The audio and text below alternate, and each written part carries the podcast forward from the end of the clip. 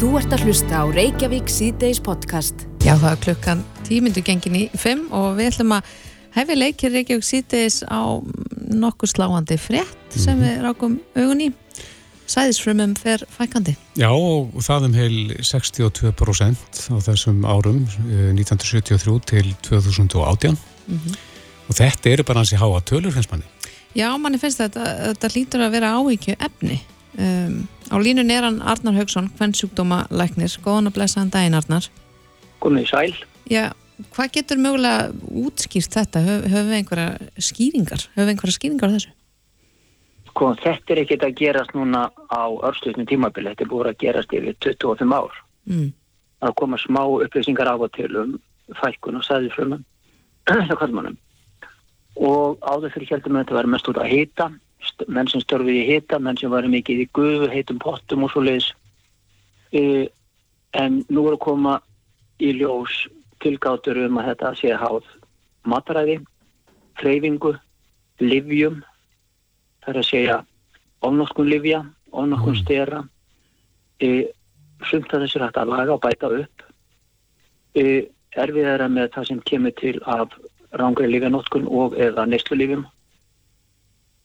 Og langvarandi áfengisneysla hefur líka lækandi áhrif Já, og sumar íþróttagreinar en það eru tímabundið sem lagast aftur þegar menn eru búin að komnir aftur í normal líf sko. en, Þetta er búin að gera tækt og þessi tala er svo- er svo hæðst það sem ég sé þessi 62%. já.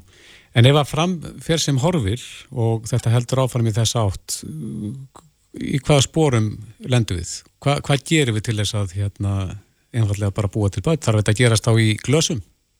Hægt- Já, en það þarf frumur líka þar til og það þurfa að vera heilbreyða sko. Já, Nú eru menn líka fannir í glasaflókunum að taka DNA síni úr uh, fóstufrumunum og greina uh, skemmt, skemmt ómögulega frjó, frjókandi egg sem að lítið var hægt að gera fyrir nokkurum árum. Þannig að konur eru ekki alveg lausa heldur við það að vera uh, þarna uh, við óf, með ófrjósumi vegna þó ekkert finnist að eggföldanum þeirra og það vita menn best sem stundar glasaflókanir sko því að þetta er þeirra sérgrein. já, En það er, það er engin hægt á því að við getum ekki fjölga okkur sko. Vandamáli er það er áfjölgun, ekki skortur á fjölgun. já, í heiminu bara almennt. Æ- Heiminum almennt, já. Mm Ég býst nú samt við því að þessar fregnir, þú segir náttúrulega að þetta hafi verið að gera svona yfir lengra tímabil varandi fækkun og sæðisfrum við þurfum að taka þetta ansi alvarlega og, og förstum tökum, ég meina hvað er til ráða? Raunverulega þarf sko helbriðis yfirvöld, þurfa helbriðis yfirvöld heimsins að ræða það á samílum fundum hvort að það sé einhver sem þarf að horfa til og koma þá út með ráðlegginga. Það er gagnar hlítið þó að einstaka duglegi fréttamenn og, og, og læknar eins og ég séum að benda á þetta hvað að gera til úrlösna. Mm fólk gleymur þessu svo fljótt ef það er ekki stöðust verið að áminna á þetta og hvetja og svo þarf líka að fara að tryggja það að mikið af fæðunum sem við erum að borða er tilbúið með allavega rótofnirefnum og eiturefnum og við höfum ekki greina grunu það þegar við kaupum það þegar við þekkjum allir þessi X og varuanúmer og rótofnirefni sem er í þessu Nei, og fast að þessum efni hafa verið prófið með tilditittin í frósumi. já, já. En þú segir, Arnar, að við stöndum frammi fyrir offjölgun í heiminum. Getur þetta verið svar náttúrunar bara til þess að reyna að, að draga úr þessari offjölgun? Sko, nú þú er ekki að tala um fyrir hönd náttúrunar en það er vitað að við ákveðna aðstæða þá breytist e, kynskipti í þarna millir barna og hjá börnum meifóstra og sveinfóstra. Mm. Það flæð, fæðast fleiri drengir þegar stríðsástand er eins og hefur getið um í sumur rannsóknum. En hvernig það virkar og hvort máttavöldin grípa þar inn í það er ekki við sem að öll trúabröna heimsins sé sammála um hvernig það virkar. Svo Mhm. verðum að trúi þegar þetta er svo okkur eigin ábyrð. Mm En er þetta að segja sko að við höfum, að við tökum þessi í rauninni ekkert sérstaklega alvarlega fyrst að svona læknar vekja aðtegla á þessu en það verðist ekkert vera hlustar eitt sérstaklega mikið? Sko það er náttúrulega erfitt fyrir fólki sem stendur í þessu. En hini sem er ekki hvorki að reyna eiga börn er ekki konur á tíma fyrir bassefni. Fyrir þá skiptir þetta ekki svo miklu máli þegar hugsa ekki út í þetta. Allir þessir eh, góðu einstaklingar sem er að taka kraftlýftengur meðul og líf sko. Þeir eru ekkit að spugla þá stundin í því hvort þið geti eignast battsefna með það gera það þegar þið koma til okkar sko. Mm Og við getum bjargað mjög mörgum þeirra. Mm. En, Allt hefur þetta áhrif sko. Er þess að, eh, hvernig, eh, þú talar um að bjarga mörgum þeirra, hvernig fer maður að því? Það er bara með ákveðnum uh, ráðurleikum, livjum, náttúrlivjum, bætefnum og fleira. Það eru langt þess að telja upp í einum stuttum þetta. Og, og lífstílsbreyting, vantalega? Og fyrir ekki og. Og lífstílsbreyting einhvers konar? Já, lífstílsbreyting væri það staðstað fyrir heiminn í heilsin eins og er sko.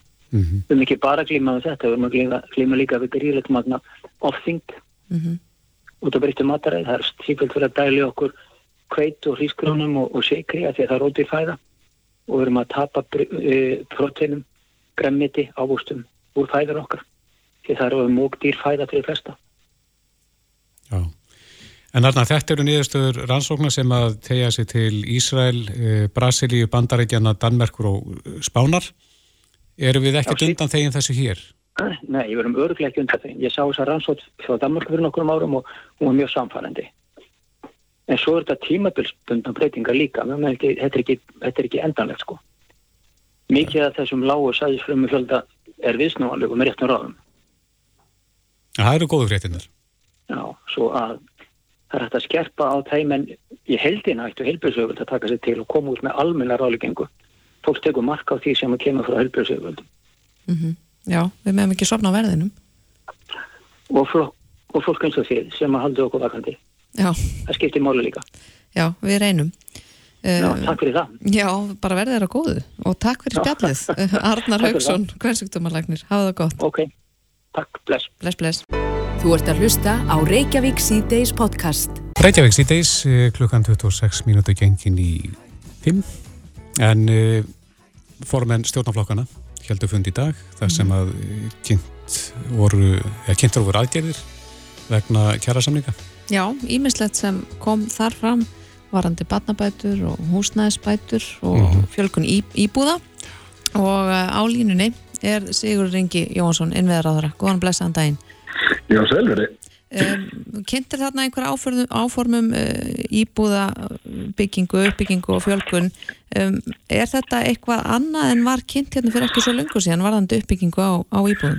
Nei, þetta er það sama, við erum bara vunnið áfram að þessu þannig að núna erum við í farsanum að, að klára rammarsamkomulega við sveitafélagin þar að segja að við erum farin að gera samninga eða undirbúa samninga við sveitafélagin til að tryggja nægilega margar lóðir.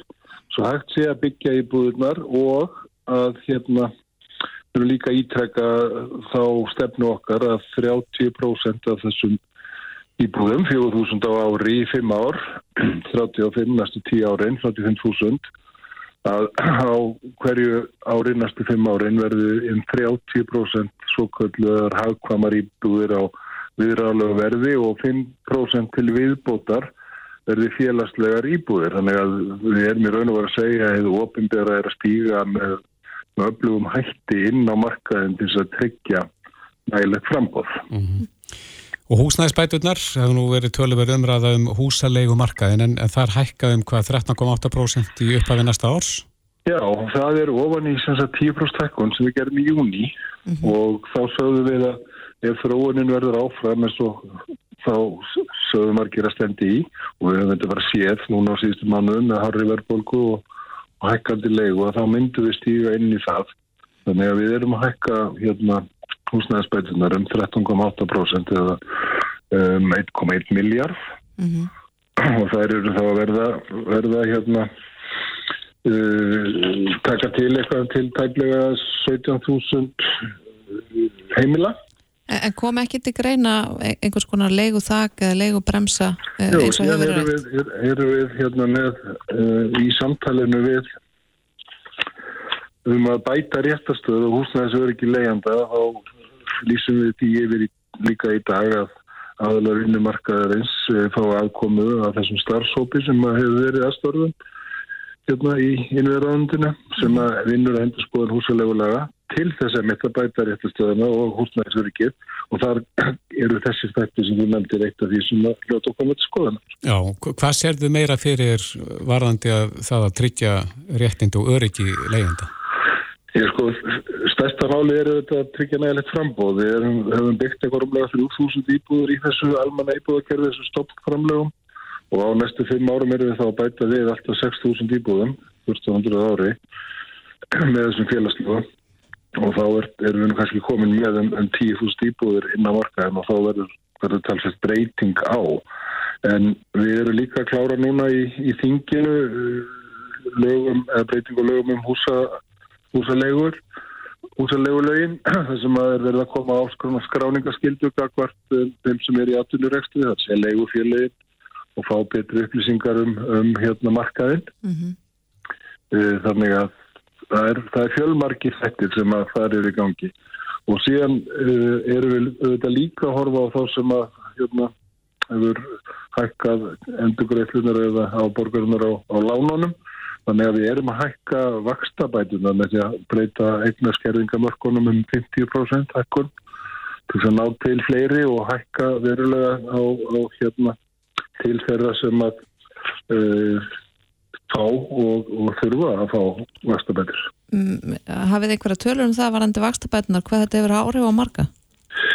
Nei, ég miður ekki með heldarfjöldan og hérna það er svo sem hérna, þessum kemur ekki almenna ljósferðin eftir á en, en, en hérna við erum að tala um, um talsverðar talsverðar hækkanir fyrir þá sem eru með legstu leinin eru kannski að fá vastabættur sem voru að fá 150.000 í, í ár að það er munni farið yfir 400.000 til einstaklinga og einstæðir fóröldar þá, þá væri það kannski hækkun á rúmlega 200.000 upp upp í rúmlega 500.000 svo dæmis ég tekið.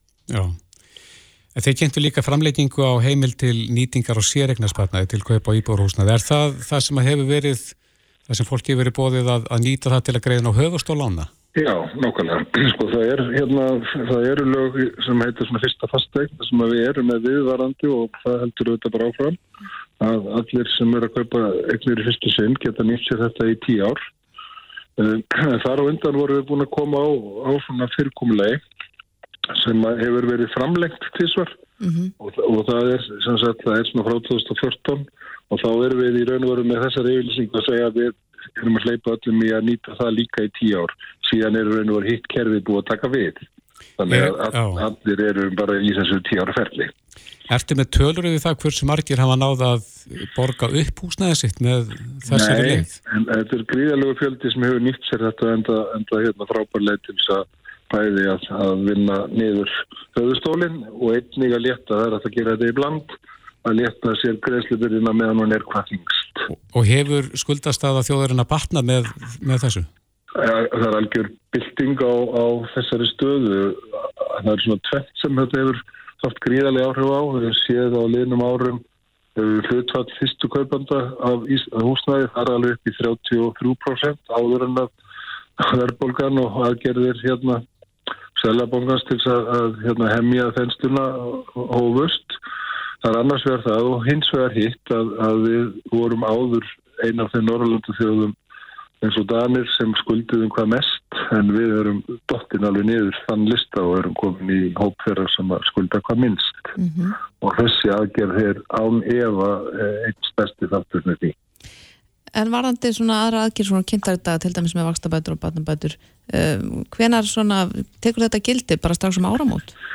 Já, húsnæðisbætunar og, og hérna vakstabætunar það taka bara gildi um næstu, næstu áramót og, og hérna menn finna þar alveg stress fyrir því.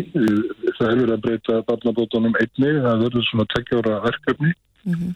og þannig að hlutabreitingunum kemur koma fram strax og það eru þá nokkru fætti, það er bæði verið einfaldakerfið og gerða skilvirkara. Þetta er svona vinna sem hefur verið inn í hjálmarrándi núna um all landskeið mm -hmm. og við tókum á í stjórnarsáttmála að við vildum fara. Þannig að, að um, það breytir ansi miklu fyrir, fyrir hag barnafjölskyldna mm -hmm. og samspilið á breytingun á húsnæðisbótonum vakstabótonum, slass og síðan hérna barnabótonum það sínir sig að koma mjög vel til þeim til góða fyrir þá sem að hvað minnst hafa mm -hmm. og það er nú tilgangurinn með þessu Einmitt. Einmitt. Sigur það er spurning hérna frá hlustanda Já eh, sem að segja að talsvert stór hópur fólks hafi dottið út úr vakstabótakerfin á undagegnum árum næja þessir uh, mega þessir aðeila venda þess að, að fá greiðslur á ný út úr þessu kerfi? Já, mjög margir. Við erum að hækka eignar skerringamörkin um 50% þannig að áður eða í dag móttu eiga eignir upp að 8 miljónum en ferði í 12 miljónir og það þýðir að hóparinn stakkar verða, já. Já, mm -hmm. það leikja mörkin. Já. Uh, varðandi þennan starfshóp sem er að endur skoða húsalegulög, uh, hvenna má við búast við einhverju nýðurstöðu úr þeirri vinnu? Ég sko í raun og veru er, er hann að skila af sér núna svona áfangaskíslu um það hvernig hlutirnir hafa verið að þróast og tekið svona samtalið og, og húsalegu laugin sem eru núna er nú kannski ekki byggð á þeirri vinnu því að það er, það er eldri vinna mm -hmm. en við getum þar að lendi farið bara hrætt inn í það og, og ef að við sjáum leiðir til þess að, að fara með breytingar og lögum ef að það þarf þá verður bara mögulegt að gera það á vortingi mm -hmm. Þannig að við þurfum ekki að býða lengi eftir því Nei, ekki. Það er eitthvað sem eru augljóst sem við getum gert til þess að bæta þessa réttastöðu og, og sjáum að það hafi hérna uh, góð áhrif þá, þá er ekki eftir neina býðan það. Nei. Sigur Ringi Jóhansson, innviðar á þeirra. Kæra þakki fyrir þetta. Takk svo fyrir þess. Þetta er Reykjavík C-Days podcast. En talandum að rekna. Mm -hmm. Menn eru búin að rekna sér fram á aftur og hafa kynnt niðurstöður í dag. Mhm. Mm Já, meðal annars uh, útspil ríkistjóðnarina sem að var kynnt í dag. Já, við rættum þetta eins og Sigur Inga Jóhansson þetta rétt á hann, en núna er á línu Viljálfur Birgisson og hann er formar starfskræna sambandsins. Kona blessaðan daginn Viljálfur. Já, komið í sæl. Já, svona við fyrstu sín, hvernig líst þér á þessan, þennan aðgerðar pakka? Hann kemur svo sem ekkert óvart, þetta er bara svona í samræmi við það sem við höfum verið að vinnað og við gerðum okkur svo sem alveg grein fyrir því að þegar var verið að ganga frá skamtíma samningi sem að gildi bara í rétt rúnt ár að þá er þið kannski aðkoma stjórnvalda ekki eins e, mikil eins og hún var árið 2019 þegar við sömdu til fjara ára eðli málsins sangkvæmt mm -hmm. Það eru þarna jákvæðir hlutir e, inn í þessum aðgjara baka stjórnvalda eins og e, hækkuna barnabótum sem að nefnur 5 miljardum, kemur í tvennu lægi og það er verið að svona einfalda stuðningi við barnafjölskyttur og þetta, er, þetta, þetta eru 5 miljardar og síðan er líka verið að hækka húsalegu bæturnar um 13,8% til viðbótar sko 5-10% sem kom í vor og það er áallag að eh, kostnæður vegna þessara hækkunar á húsalegu bótunum nefni hvað einum og hálfum ja, 1,1 miljardum nefni mm -hmm. og síðan er verið að uh, breyta hér skerðingamörkum varðandi vakstabæturnar og það á að skilja eitthvað stærri kringum, kringum miljard ef ég manni þetta rétt. Já, mér heyrist þú verið bara nokkuð ánáður en er eitthvað sem vantar í, í þennan pakka? Já, það er vissulega atrið sem ég hefði talið afar bríkt að hefði verið tekið á í raun og veru strax og það er sko réttar staða leiðanda. Ég til að þó að vissulega sko er eh, inn í þessum aðgerðabakka er, er að e, e, samiðu um það að það verði komið á starfsópi um endur skonu húsarlegu lögum til að bæta réttastuðu og húsnæðisöryggi leiðanda. Ég tel þetta reynda mál vera það brínt að það hefði í raun og veru bara þurft að klára það núna rætt og vil. Möndur þið vilja setja eitthvað tímamörk á þá vinnu? Já, ég hefði vilja setja tímamörk á þá vinnu og, og gefa því afar stuttan, stuttan tíma. Mm -hmm. Ég sé fyrir mér að, að það hefði þurft að setja einhvers konar leigu þak eða í það minsta leigu bremsu þar sem að er þið tryggt að þessar miklu hækkanir sem uh, við höfum orðið vittni að undanfjörnu get ekki endur tekið sig. Uh. Þetta er algjörlega glóralust eins og þetta hefur verið. Uh, Ragnar Þór lit nú hafað eftir sér viðtali fyrir ekki svo lengur síðan að hann telti nú bara farsalast að setja neðalög í þessum öfnum. Ég, ég tek bara undir það með Ragnar. Ég til að, til að, að, að það hefði þurft því að hækkanir hjá tekilágu fólki, við skulum alveg líka átt okkur á einu að það er tekjulegst af fólki sem er á leikumarkaði þetta er yfirleitt fólk sem ekki fer í gegnu greiðslumat til að geta keft sér eh, sína fyrstu eign og uh, lendir þar að leiðandi og festist inn í inn í hérna leigu umhverfinu og, og bara allar skoðanakannanir sem hafa verið gerðar sína fram á það að 90% af leigjendum myndu vilja vera í sínu eigin húsnaði ef það réði við það. En þarf að, gera, þarf að gera meira til þess að gera þeim hópi kleift að kaupa sitt eigi húsnaði vegna þess að, al, algjörlega, að þetta fólk kannski kemst ekki gegnum greiðslum að að bankanum en þó að það sé að borga sko hundruðu þúsunda í, í leigu í hverju mánuði? já, þú getur kannski verið að greiða uh, sko, uh, þetta er bara dæmi upp undir sko 300 krónur í hverju einasta mánuði í húsalegu mm -hmm. en kemst kannski ekki gegnum greiðslumat upp á 250.000 þetta er, þetta er einhver svona reiknisskekkja sem ég bara skal húslega viðkynna við, við ég skil ekki og sérstaklega kannski ljósi þess að við komandi aðlar hafa kannski staðið í skilum í mörg ár mm -hmm. með, með, með slíka greiðslubyrði eh, En sko Sigurður Ingi talaði um það að endur skoðan að þessum húsarlegulegum myndi hugsanlega verið tekinn fyrir á vorþingi er það þá ekki á sendir að senn greipið? Eins og ég segi bara málið er mjög bríkt og ég tel að, að alþingi hefði þurft að uh, taka þessu máli núna mjög uh, sko hratt og vel. Og ég hefði í raun og veru vilja setja þetta máli í algjöran borgong vegna þess að, að, að leyendur er að fara alveg hryllilega út úr þessu út úr þessu eins og, eins og bara nýli dæmi hérna sína, sína.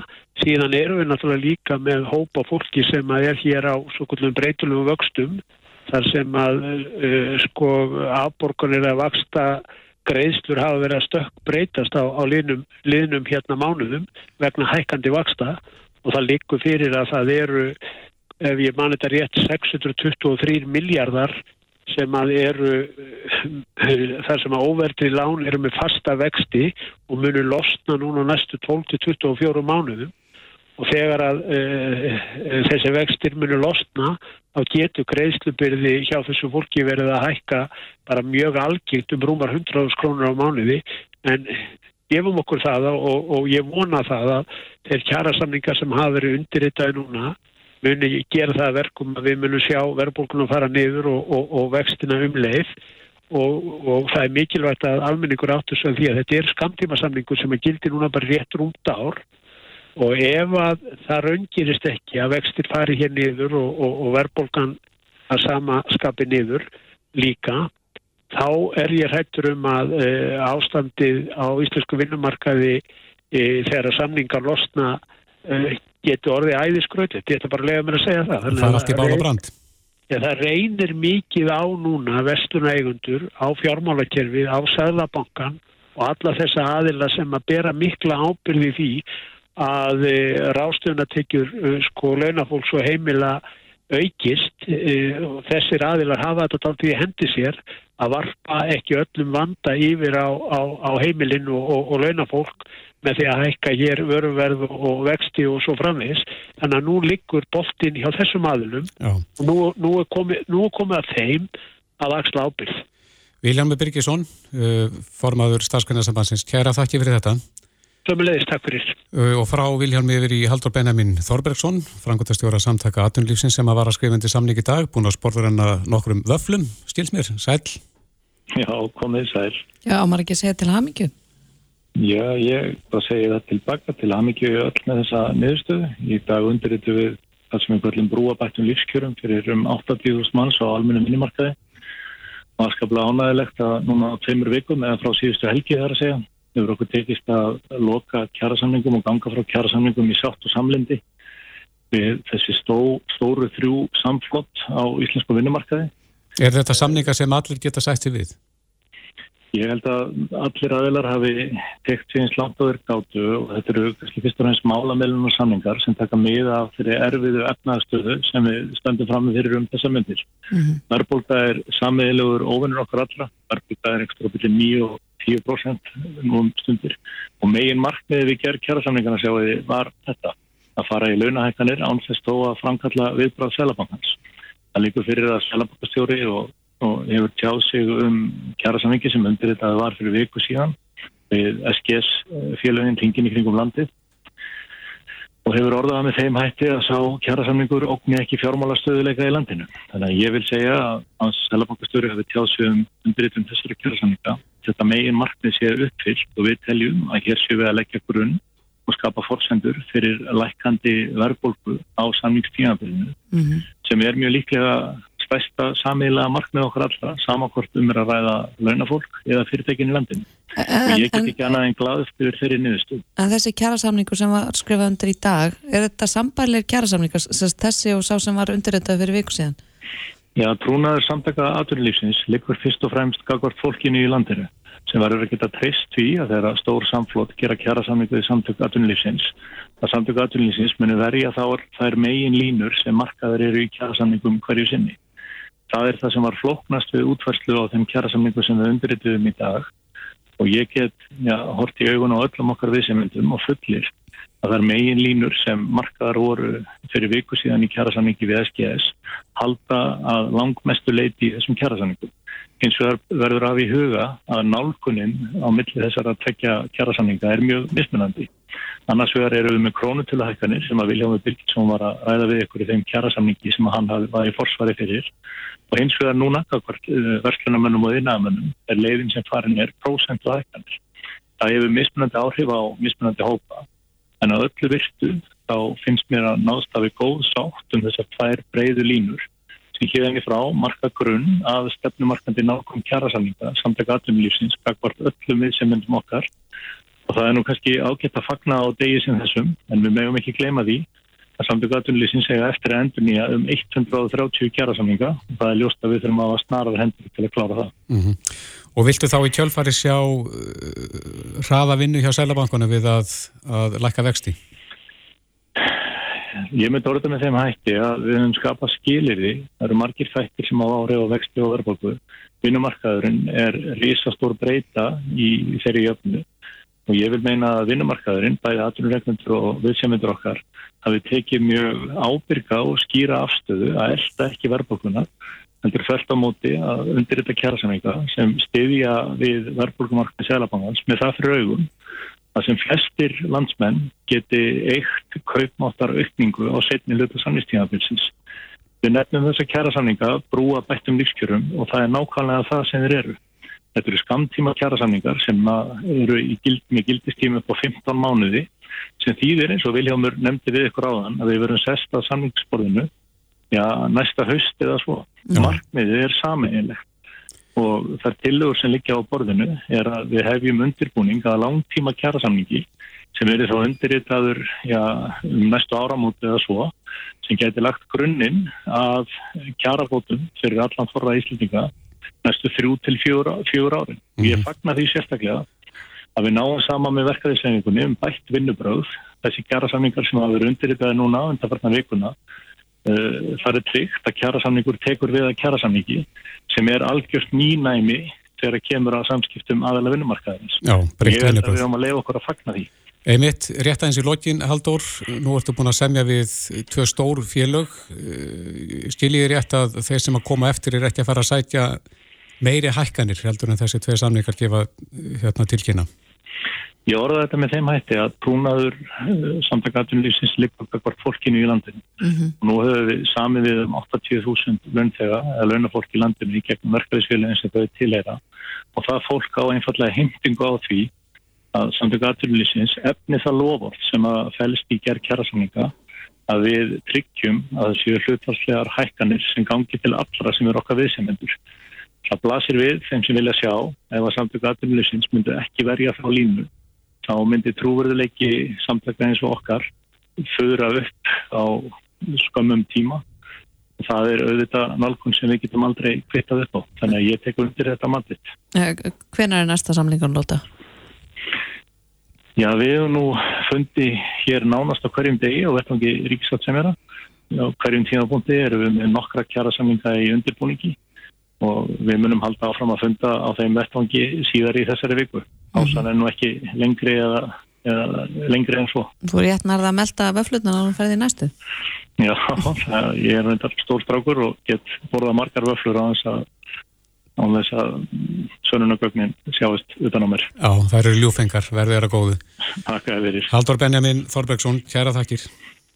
Sumulegis, bless, bless. Þetta er Reykjavík C-Days podcast.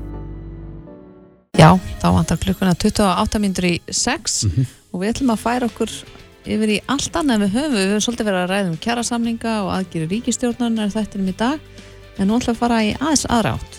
Já, en e, samt hald okkur svolítið við frétta atbörði nýliðina mm -hmm. e, og spurning með viðbröð við slæmum fréttum, hvort að mm -hmm. það sé bröðist rétt við. Einmitt. En við þekkjum e, kannski nýleg málaborð við Ölmu íbúðafélagið Jú, þar hefur framkvæmtastjórin ekki svara neinu, ekki vilja láta ná í sig Nei. út af hækkunum á, á leiguverði, ansið Mhm. snörpum hækkunum. Já, og annar mál sem að kom upp kannski fyrir ári síðan uh, það er mál Ísteka Mhm. varandi blóðmeramálið það sem að framkvæmtastjórin einfallega kvarf og svaraði ekki fréttamönnum. Já, það, það var svolítið langu tími líka. Uh, voru það ekki alveg einhver, einhverja vikur eða mánuðir? Já, við reyndum, þegar þetta mál kemur upp fyrir árið síðan þá reyndum við að fá hann í spjall til okkar og það náðist ekki í hann en það var nánast á ársammali málsins sem hann kom síðan til okkar. Já, já. En Andris Jónsson, almanna tengill, sérfræðingur í krísustjórnun er komið til okkar velkomin. Takk fyrir. Já, þau eru nokkur mál sem að kom upp reglulega og, og uh, áöldum það hvort að rétt sér brugðist við í slíkum málum. Þessi tvö mál sem við nefndum þetta núna. Hvernig voru þau afgriðt samkvæmt fræðunum? Já, ég var nú eiginlega að fá að hérna, að hérna minna þið á það hvað ég sagði þegar við samt þetta komið í þetta vital að ég var nú ekki alveg tilbúin að, að fella dómi í einhverjum ákveðnum málum ég, hérna bæði er ég ofta að vinna fyrir einhverja og, þú veist og hérna það er auðvelt að, að hérna e, segja einhver annars ég gera vittlisu Mhm. uh, þannig að ég, mynd- ég er til að tala um þetta almennt eins og það er að þetta er auðvitað forvitnilegt þú veist, hvað, hvað, hvernig virkar þetta hinum einn, það sem við ekki sjáum það sem er verið ákveða, eða að fara í viðtal eða eða að senda yfirlýsingu eða að breyðast við eða að snúa einhverju við sem að var að valda hérna uh, uh, því að við verum, erum gaggrind veist, og, og þannig að það, það finnst mér með svona alveg eitthvað sem eh, er alveg gaglegt fyrir fólk að fá svona aðeins betri insinn í. Um, Ef við tökum svona ímyndað mál og svona mál koma nú uh, reglulega upp að það að ke- kemur einhver frétt sem er frekar neikvæð snertir einhverjum svona hjartastrengi á fólki kannski á, já, svona mannleg frétt sem er verið að fara ítla með einhvern eitthvað svo leiðis og það uh, verður mikill stormur á samfélagsmiðlum og Já. oft er kvartið þess að fólk sniðgangi hinn og þennan og svo já. um, og ekkert næst í viðkomandi sem á hlutamáli Mhm. hvað eru, hvað eru rétt við, eru rétt viðbröð að þegja og býða Nei, ég myndi segja að almenna reglanu þetta er að þú verður fyrir gaggrinni og þú ert í þeirri stöðu þú vilt eða þart að viðhalda trösti almennings á þér, þínu fyrirtæki, þínu gjörðum, þínu ráðuniti, þínum flokki hverju sem þú ert í fórsvari fyrir að þá er almenna þumpötareglan að svara e, gaggrinni og bregðast við og leiðrétta ef eitthvað er eða hérna, segja allan að við erum að hlusta við vitum að þessu við skiljum akkur, hérna, þið eru að e, varpa fram, þessum spurningum og allavega að sína þessum og, og ef við erum ekki með svörin að þá munum við koma með þau e, um leið og við erum búin að skoða máli betur og svo framvegis. Það er svona henni almenna regla þannig farðu tekur þessu til stjórn á umræðinni og segir, ég, þetta mál varðar mig, gaggrinni á mig og mitt fyrirtæki eða mig og minna stofnun eða mitt ráðandi og ég e, til, þú veist, eld að svara því. En svo eru undatekningar og þú veist, þegar ég var að byrja í þessu fæi þá uh, hérna og held í stundum ránglega að fólk væri bara vanhæft, þú veist, það væri ekki gera réttu hlutin en það væri bara ekki nokkuð gott í þessu og svona, en eftir sem að maður hefur lengur í, lengur í þessu fæi þá sér maður að það er auðvitað stundum gildar ástæður. Það eru alls konar ástæður fyrir því að fólk kannski bregst seint við eða til þess að ekki til að fara í viðtal eða, eða annað. Og það getur e, verið bara stundum er að þannig að máli verða bara verri eða þú fer að setja út meiri það er kannski eitthvað sem ekki vitum sem tengist þessu sem þú getur ekki sagt. Og að þú myndir segja þá er þið útkoman jafnvel ennveri í umræðinu heldur en, heldur en að láta yfir sig ganga einhverja einhver, einhver svona öldu mm -hmm. e, svo er líka bara mér kannski alltaf varpaði út til veist, ykkar og hlustenda að mér finnst ég samt hitta alltaf fólk reglulega og eiginlega ég held ég bara valla hitt þann einstakling sem ekki hefur sagt mér já, frá einhver dæmi þar sem þau þekktu hinnarliðina bara þeirra vinnustadur eða einhver tengdu þeim eða einhver einstaklingur sem var fyrir einhverju gaggrinni og, og fólk er að segja ég þekk, þetta var ekki alveg rétt en hvernig fjölmjölundin fór í þetta þetta var ekki, ekki sangjötn um fullun eða var, þetta var alveg mjög einhliða. En þá er svo mikilvægt að svara og koma með hinnarliðina Já, að því marki sem það er hægt það er að þetta er líka það er sem er líka er áhört fyrir fólk að vita að, þú veist bara eins og við hérna við komum reglulega í vitil til ykkar. Ég veit samt að ef að ég, mér er eitthvað á í starfi eða fengi á mig gaggrinni mm -hmm. þá fengi ég enga eh, hérna, silkihanska meðferð hérna í viðtalið við ykkur að því að þið eru í ákveðin hluturki þið eru fyrir hönd alveg minns að spyrja ykkur spurninga og ef ég er viðfangið veist, það er kannski gott að þið þekki mjög viti, eh, skilur hérna, sé eitthvað tröst á mér og þessi tröst á mér eitthvað starðan úti mm -hmm. en ég þarf samt að svara fyrir það og við sjáum það marg ofta einhver sem nýtu mikil ströst fær sér ná sér gaggrinu, við kannum tekið Grím Grímsson til dæmis lauruglumann sem að veist, nýtur mikil strösts en hefur líka reglulega þurft að svara fyrir mál það sem er verið að gaggrina laurugluna fyrir einhvers konar uh, hennar gjörðir. Mm -hmm. og þannig að við erum með ólík klutverk og það er ekki alltaf hægt að uh, koma algjörlega réttamind út til fjölmjöla fjölmjöla nálgast ákveðin mál þeir getur líka bara snúið við á punktunum eins og stundum gerist. Og fjölmjöla hafa bara ákveð hlutverk þeir ekki, þeirra hlutverk er ekki einhvern veginn að eh, sína allar hliðar.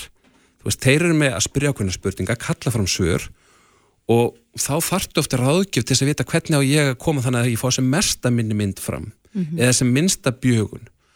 Og þetta getur líka verið segjum að hérna e, veist, veist, þannig að það getur líka verið bara tímasetning. Því segið það kemur eitthvað málfólk það er verið að brjóta einhverjum það er reyði bilgja, er þetta virkilega svona spyrjum við okkur, veist, þarf ekki að hérna, kalla eitthvað til ábyrðar og, og stundum er það bara ekki rétt í tímapunkturinn til þess að stígin í umræðina og veita svör af því það er bara tilfinningar, við erum í uppnami mm. við erum sjokkuruð mm. En hvað leggja tímamörkin? Hvenar er, er orðið og senkt að að koma inn, eða hvenar er hvað, hvað, hversu löng byður orðin skadaleg fyrir þann sem það er til umfjöldinu? Hún er orðin skadaleg og leið og missir umræðin í það að aðrir eru farnir að reyna svara fyrir málið eða stíga inn í það. Við sjáum það oft gerast ef að eitthvað ríkisfyrirtæki eða eitthvað ríkistofnun sem bara við höfum séð alls konar undirstofnun ríkisins verða fyrir gaggrinn á undanfötnum missurum mm -hmm. og ef að hún svarar ekki nú vel fyrir sig eða forsvarsaminn hennar eða veit ekki viðtölu þá neyðast ráþeirarnir í einhverju tilfellum að stíga inn. Og þeir geta bara sagt, heyrðu, við ætlum bara að leggja stofnun niður. Þetta er bara, hér, þannig að þú missir stjórn, þá ertum búin að missa stjórn á aðbörðásinni, oft finnst mér þessi mál ef þau opnast til dæmis eh, á miðjum degi, segjum bara eins og í dag og við fréttum okkur máli og allir fjölmjölar fellum eða flestir eða stóri fjölmjölar eins og Vísir og MBL e, eh, Ríkisóttarpið að þá e, hérna er, e, er fjallað um þau og þeir eru svona nokkur neginn svip það er að koma fram svona helstu upplýsingar um þau kannski í kvöldfréttum og vefnmjölunum kvöldi. Svo daginn eftir hittist fólk á kaffestofinni mm -hmm. og fer að sáu þið fréttum um þetta. Hvað finnst þau um þetta?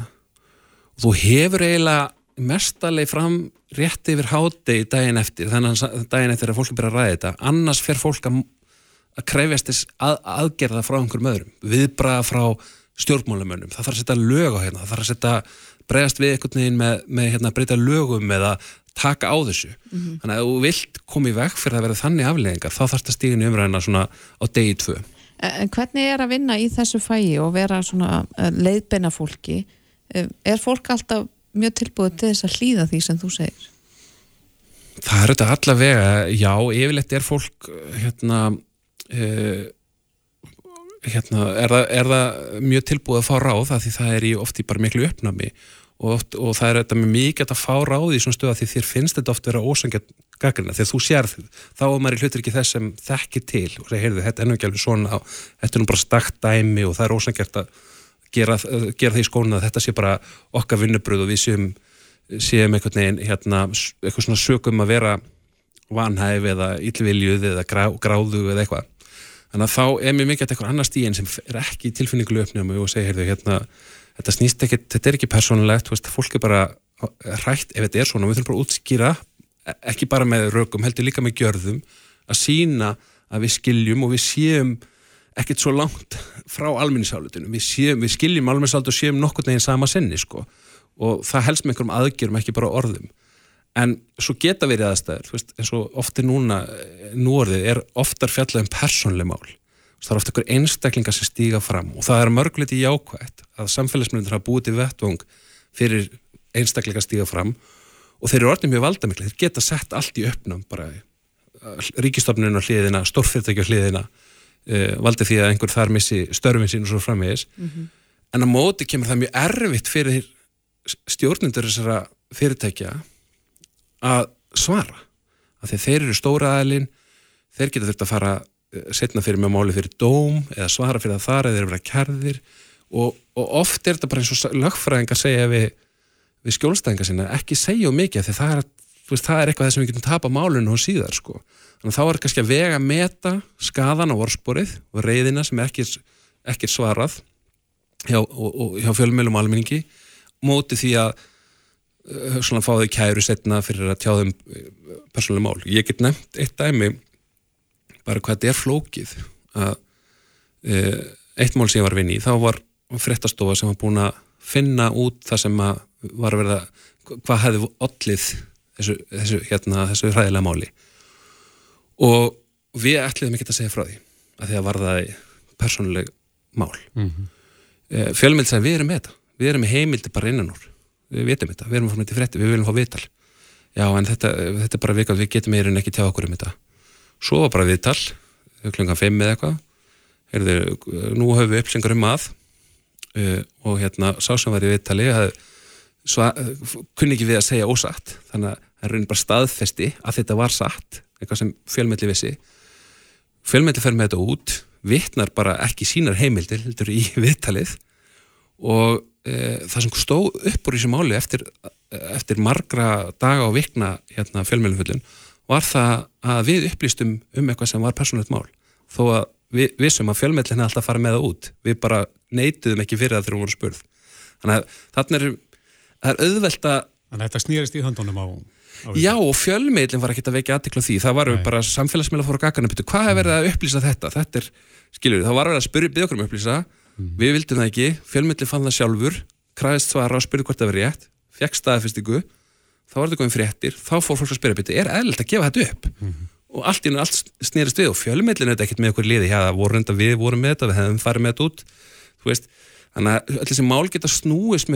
og og, og, hérna, og það er mjög öðvöld að gera mistök og maður skilta ekki, það skilta engin vera, ég hef unni með fullt aðlun sem hafa mikið tröst og eru góðir í samskiptum. Mm -hmm. og það er alveg mikið að reyna að flest fyrirtæki í Íslandi og flesta stofnunir þurfa að viðhalda trösti almennings. Og það er mikið að vera góður í að svara.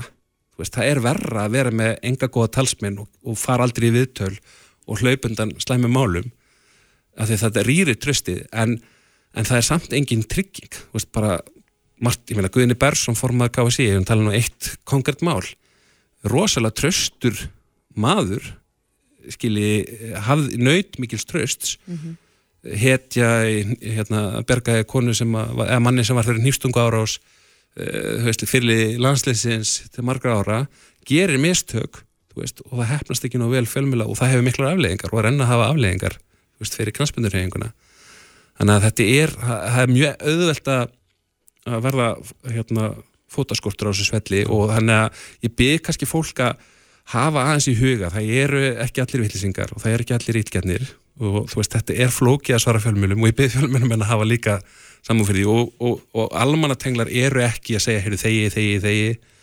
Eh, en stundum eru lafræðingar að gera það og, og stundum er, veist, við sjáum það líka bara þeim sem eru oftast gaggrindir, sem eru stjórnmálmenn og ráþeirar, að þeir svara ekkert alltaf samdæðus þeir velja sér oft stað og stund. Mm -hmm þeir, og þeir velja sér taktist. Þeir setja kannski okkur á Facebook af því það er svo auðvelt, það er eins og hafið tjáði en samt varstu bara að senda yfirlsingu það er samt eins og hafið tjáði og bóðið upp á svör og eitthvað spurningar, það er ekkit eins þetta er svona öruglegi til að koma ykkur út. Og svo er það að hlaupa inn í ráðhærabústæðin eða útúrunum á leiðin inn í ráðhærabílin og þá ná fjölmerðið með tvær þeirra spurningar ná að spyrja með þetta. Mál fyrir tveimu dögum hérna, allar að segja að þér vegna þess að þú nýttir hérna, eitthvað sem þú hefur átt að nýta þér? E, nei, nú ekki hérna, ég hugsa með það en e, vissulega er þetta eitthvað sem ég mun skoða veist, með mínum samstagsmönnum og hvort að eitthvað sé þetta aðtó og þá munum við þetta taka það til endurskonar svo bara kemur fórstis á þeirra e, berðu tröst til þessar á þeirra já, það er nú ekkit hérna, komið fram annað skilji, þannig að þú ert, þetta er smá leikur. Mm -hmm. og fjölumiljarnir oft eru margir vinklar á einhverjum álu sem fjölumiljar geta að fara eftir og fjölumiljar þurfa að velja sér Byrja, að spyrja um þetta eða spyrja um hitt Þannig að þetta er, þetta er list ákveðin. Vandrætaði vegur. Þetta er vandrætaði vegur og, og, hérna, og umræða er einhvern veginn hérna, veist, við verðum bara að vera meðvitt um það að hún er aldrei algjörlega heila og sannleikur, við vitum aldrei báðar hlýðar og stundu getur önnur hlýðin ekki komið fram. Það og sé að byrja að blaka velli með það sko, en, en, en sannlega væri betra ef við værum með fólk uh, sem gæti komið, væri gott í að svara og, og leiði sér meir eftir. Það er oft svona, það er oft uh, við, og þetta er eitthvað sem ég er að kenna öllum og öllum námskjöðum, öllum þjálfunum sem við erum með að, að veist, það er svo auðvelt að segja, heyrða, trúnar, við getum ekki tjá okkur um þetta.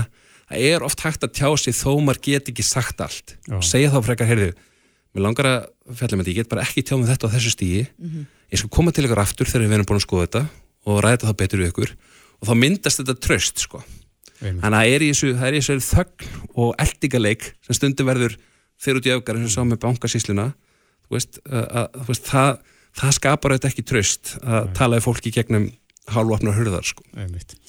Andri Sjánsson, mjög frólægt almannatengill hjá góðan samskiptum. Kæra þætti fyrir komuna. Takk Reykjavík síðdeis á Bilginni podcast. Jæja, nú er klukkan fann að ganga sjö. Eh, Við erum að spyrja núna inni á vísi.is um HM. Mm -hmm. Fjóraliða úslitin hefjast á morgun. Og hún er tvíþætt spurningin með hvaða liði heldur þú á HM og svo með hvað, hvaða lið heldur að vinni HM. Já, endilega kjósið á vísi.is og bilga.is þetta, þetta fer að vera búið, það er bara næsta sunnudag þá er, verður sigur verið krýndur Mm En Ég var nú að ræða hérna án í tengslu við auglýsingu vísis um best skreita jólahúsið að ég vildi fá svona eins konar kort af vel skreittum jólahúsum. Já, og nú er komið ynga maður sem hugsanlega, eða ég er nokkuð viss um að hann gæti eiginlega búið til kort af Íslandi fyrir mig með öllum draugaslóðum á Íslandi sem er líka svolítið spennandi. Og það er Símon Jón Jóhansson, hann er þjóðatafræðingur þjóðfræðingur. Já. þjóðfræðingur, afsaki er það ekki nokkuð rétt með því á mér? Þú getur rétt með Jú, jú, Íslands jú, jú, jú, jú. og ég geti ferðast um landið Já, og engungu heimsótt draugaslóðir Og þessi bók sem að við ætlum nú að fara að spjallu um sem að heitir hérna draugaslaður á Íslandi hún er í rauninni svona kort sko. mm. ég fer ringin í kringum landið segi draugasögur uh, frá hverjum landsluta og svo fylgja mér ljósmyndir af stöðunum og, og landakort hvar staðinir eru Er e, trúa Íslendingar ennþá á drauga? Þetta var náttúrulega mjög ríkt í Íslendingum hérna áður fyrr. Já, sko ég held að, að hérna, já við trúum alltaf á drauga og ég held að mjög margir trúi á sko líf eftir döðan Mhm.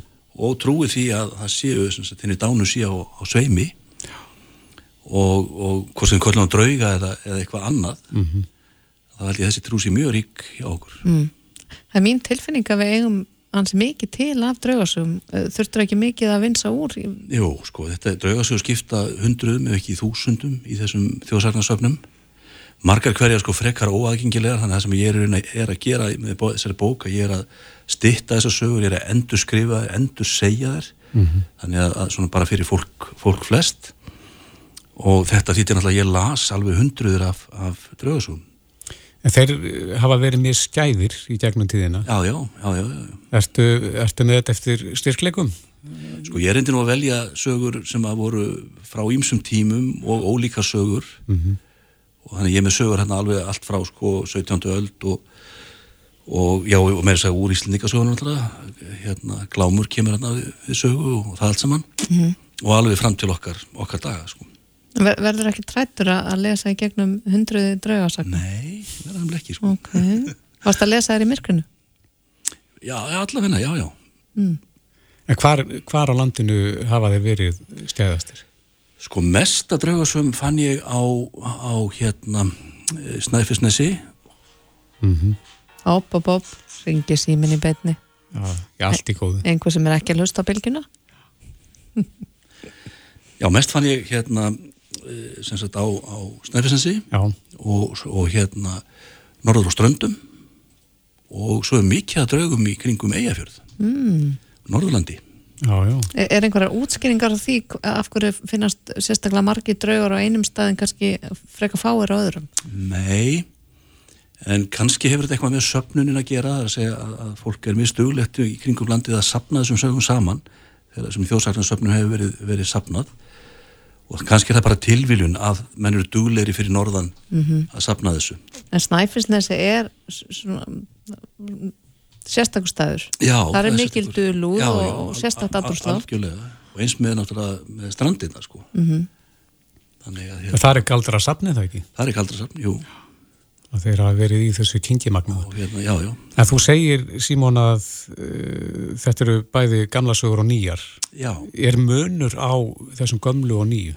Já, það er ansið mikill munur á þeim sko. Elstu sögurnar, þessar sögur sem eru frá, frá hérna 17. öld eru yfirleitt sögur af, af draugum sem eru vaktir upp mm. af einhverjum galdramönnum sem mm. vekja upp drauga til að senda einhverjum draugana e, svo að þau færist nær nútíman þá verður þetta svona verður þetta svona annars eðlist draugar? Þá, þá hérna, er meira um drauga sem eru svona loftkendir e, sem að, að fara sjá, af sjálfstæðum á, á, á stúana.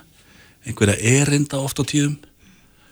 Og svo verða menn svona varir við eitthvað sem menn kalla draugagang svona eftir því sem að, að hérna nær draugur í tíma. Þannig að þeir eru að reyfa við hlutum og, og slíkt. Já, já. E Erum við ennþá að segja draugasúr? Já, það held ég En við hefum kannski ekki marga draugasúr frá árinu 2022 Nei, og sérstaklega sko þegar maður alltaf, því nú nýbúin að gefa þessa bóka þá er, er hafa mjög margi sagt með draugasúr og, og úr fjölskyldum sínum þá eða einhverju slíku sko. Mm. Eitthvað sem gerist þá bara heimil fólks. Já, eða fólk segir mér að það hefur vorið vart við, við hinn að látnu sko, mm -hmm. einhverjum hætti. En það var svolítið um það að fólk væri að upplifa draugagang á ferðum um landið, þar að segja í bílum og slíkt jú, jú, jú, Er það ennþá að gerast? Já, já, já, já. Getur þið sagt okkur eitthvað slíka sögu? Sko, kannski ekki í neina alveg sérstaka en, en, en ég hef hert alltaf mikið að sögum til dæmis um, um drauga í sko, ferðaskálum mm -hmm. þeir verið að slifa góðu lífi já, og já. fólk sem eru på öræfum og í þessum fjalla og ferðaskálum það, það talar um að það sé það séu draugar þar mm -hmm. Er njótað sinni í myrkrinu? Já, já Er, er þeir alltaf að ángra fólk? Meini, alls ekki Er þeir bara alls konar? Alls konar, já mm. En hver er, hver er svona sá vesti í þenni bók? Sko þannig að þessir uppvöktu draugar eru oft ansið í skæðir og þeir eru þá oft sko ósáttir við að vera vaktir upp eru vaktir upp í yllum tilgangi til þess að fara og drepa einhvern eða, gera honum einhvern miska og þeir eru svona skæðastir mm -hmm. Og draugar eins og bara til dæmis hérna, glámur í Grettisögu er náttúrulega hansi, hansi skæður Hvað gerði hann? Já, hann náttúrulega hérna reyðist á Gretti og, og, og hérna þeir, þeir hérna tókust á og, og allt það sem fræktir mm -hmm. Áttu uppáðst draugarsögu? Sko, ég ekki kannski beint en, en sko sögur eins og djáknin á Myrká, ég hef alltaf hrifist mjög á henni, mm -hmm. hún er líka hansi mögnuð, þannig að hérna... Þannig að þú trúir á drauga? Sko, kannski ekki beint á drauga, ég trúi því alveg að sé til lífið til döðan sko og minn lifi áfram og geti byrst í, í, í því formi eftir að, að þessu lífi líkur. Mm. En hvort við kallum það drauga eða eitthvað annað, það er, það er annan handleikur sko. Já, en bókin hún heitir Draugaslóðir á, á Íslandi Já. og er núna bara í þessari flóðbylgu, jólabókaflóðbylgu sem það nú rýður yfir Jú, jú, nákvæmlega og fæst út í næstu bókaveslun Næstu bókaveslun, já. já. Símón Jón Jóhansson, þjóðfræðingur kæra þakki fyrir komina Takk fyrir mig. Hlustaðu hvena sem er á Reykjavík C-Days podcast